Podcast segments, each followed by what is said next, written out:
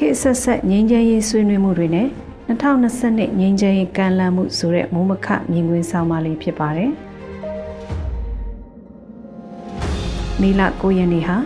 စစ်ကောင်စီကကမ်းလှမ်းတဲ့ငြိမ်းချမ်းရေးဆွေးနွေးဖို့စည်ရင်ပေးဖို့နောက်ဆုံးရက်ဖြစ်ပါတယ်။တိုင်းသားလက်နက်ကိုင်တပ်ဖွဲ့တွေကိုအထက်က UTV ကမ်းလှမ်းတာဖြစ်ပြီးတိုင်းသားလက်နက်ကိုင်ဖွဲ့မဟုတ်တာဆိုလို့1988ခုနှစ်အာဏာသိမ်းပြီးဖွဲ့စည်းထွက်ပေါ်ခဲ့တဲ့ ABSDF အဖွဲ့တစ်ဖွဲ့သာ တိုင်းသားလက်နက်ကိုင်ကောင်းစဉ်နဲ့မဟုတ်တဲ့အဖွဲ့ဖြစ်ပြီးဖိတ်ခေါ်ခံရတဲ့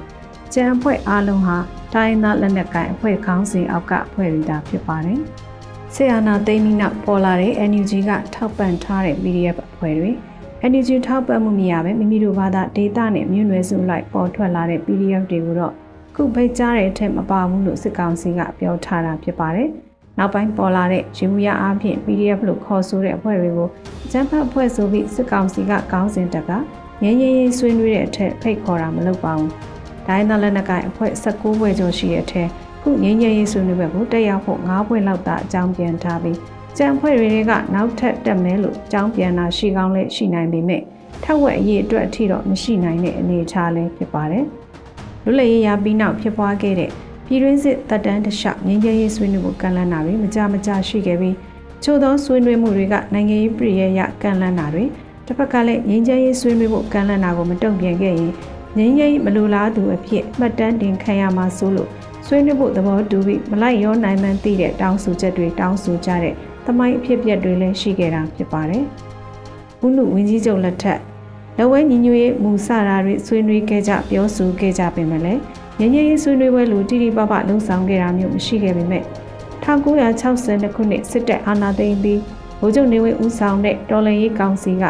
ဘကပ KNU အလန်နီစတာတွေနဲ့ပြည်ရင်းငြိမ်းချမ်းရေးဆွေးနွေးပွဲဆိုပြီး1963မှာစတင်ဆွေးနွေးခဲ့ပါတယ်။ဘကပအလန်နီတို့ကငြိမ်းချမ်းရေးဆွေးနွေးပွဲကိုနိုင်ငံရေးစည်းရုံးမှုအခွင့်အလမ်းတစ်ခုဖြစ်အသုံးပြုပြီးတော့မြို့ပေါ်ကလက်ဝဲအယူဆရှိတဲ့အဖွဲ့အစည်းတွေ လက်ဝဲလူလာတဲ့နိုင်ငံရေးအစင်လာရှိသူတွေနဲ့တွေ့ဆုံခွင့်ရတဲ့အခွင့်အရေးတစ်ခုဖြစ်အသုံးပြုပြီးသူတို့ရည်တည်ချက်သူတို့နိုင်ငံရေးအယူဆကိုအများသိအောင်လှုံ့ဆော်ခဲ့ကြပြီးဘိုးနေဝင်းအစိုးရကလည်းသူ့ကိုထောက်ခံတဲ့သူတွေကိုနိုင်ငံရေးအရခိုင်မာအောင်လှုံ့ဆော်ဖို့ကြိုးစားခဲ့တာဖြစ်ပါတယ်။တနည်းအားဖြင့်ပြောရရင်သူတို့ကငင်းချရေးလိုလားသူတွေကန်လန်းဆွေးနွေးခဲ့ပြီးတစ်ဖက်ကငင်းချမှုဆန္ဒမရှိလို့ဆက်လက်တိုက်ခတ်ရတဲ့သဘောမျိုးပုံဖော်ခဲ့တာဖြစ်ပါတယ်။အဲဒီနောက်လက်နက်ကင်ဖွဲ့တွေနဲ့ဆွေးနွေးခြင်းမပြုခဲ့ပဲ 1980ခုနှစ်ဝန်းကျင်မှာ BNN ကွန်မြူနစ်အစိုးရဒေတာရင်းအင်အားကြီးလာတာကိုအကြောင်းပြုပြီးတရုတ်နိုင်ငံကပါကံပါကိုမဆလာအစိုးရနဲ့ဆွေးနွေးဖို့တိုက်တွန်းမှုကြောင့်လာရှိုးမှာတွေ့ဆုံဆွေးနွေးခဲ့ကြတယ်လို့ဆိုပါတယ်။အဲ့ဒီဆွေးနွေးမှုကိုလူသိရှင်ကြားထုတ်ဖော်ပြောဆိုခြင်းမရှိခဲ့ပဲ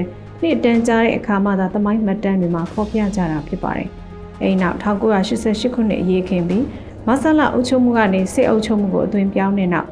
တိုင်းသားလက်နက်ကိုင်တွေကိုခွဲခြားချေမှုန်ဖို့ငင်းငယ်ရေးစကားပြောပြီးလက်နက်ကိုင်တိုက်ပွဲတွေမဖြစ်အောင်လက်နက်နဲ့အပြည့်ရသဘောတူညီချက်တွေရဖို့ဗိုလ်ချုပ်ခင်းညွန့်ကိုတာဝန်ပေးပြီးအထူးဒေသတွေတမက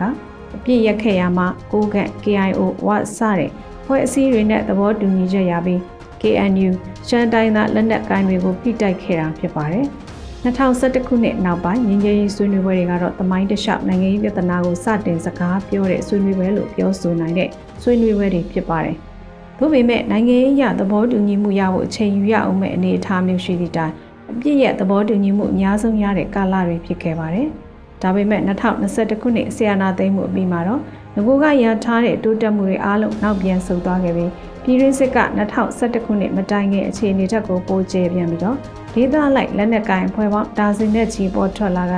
ဖွဲ့သေးတွေအနေနဲ့ဆိုရာနဲ့ချီတဲ့လက်နက်ကိုင်ဖွဲ့တွေမွေးထုတ်ခဲ့ပြီးဖြစ်ပါတယ်။ဒါကြောင့်အခုဖိတ်ခေါ်တဲ့ဆွေးနွေးပွဲဟာ နိုင်ငံ내ပြပေါ်ထွက်လာတဲ့လက်နက်ကိုင်ဖွဲ့အသစ်တွေဖြစ်တဲ့ PDF တွေကိုခုခံတိုက်ခိုက်နိုင်မှုအစဉ်အလာအရရှိပြီးတိုင်းသားလက်နက်ကိုင်တွေကိုအပြည့်ရဖို့အနေအထားကိုရည်ရွယ်ပြီးလုပ်တာလို့ကောက်ချက်ချနိုင်ပါတယ်။ရုပ်ရအဖြစ်ပြည်ရင်းစစ်ကျဲပြန့်လာတာကိုမလိုလားတော့လဲပြည်ရင်းစစ်ကျဲပြန့်လာတဲ့အကြောင်းရင်းတွေကိုဖယ်ရှားနိုင်မှသာတီးတဲ့နဲ့ငြင်းငြင်းရနိုင်မှာဖြစ်တယ်လို့နိုင်ငံရေးပြည်ထနာတွေကိုနိုင်ငံရေးနည်းနဲ့ဖြေရှင်းနိုင်တဲ့အခြေအနေမျိုးအခင်းအကျင်းမျိုးရှိမှသာလက်နက်ကိုင်တိုက်ပွဲတွေညှော်နေသွားမှာဖြစ်တယ်ဆိုတာကိုတော့ ရေဝီရသဘောအနေနဲ့မျက်ခြေမပြတ်ဖို့လိုအပ်တာလည်းဖြစ်ပါတယ်ရှင်။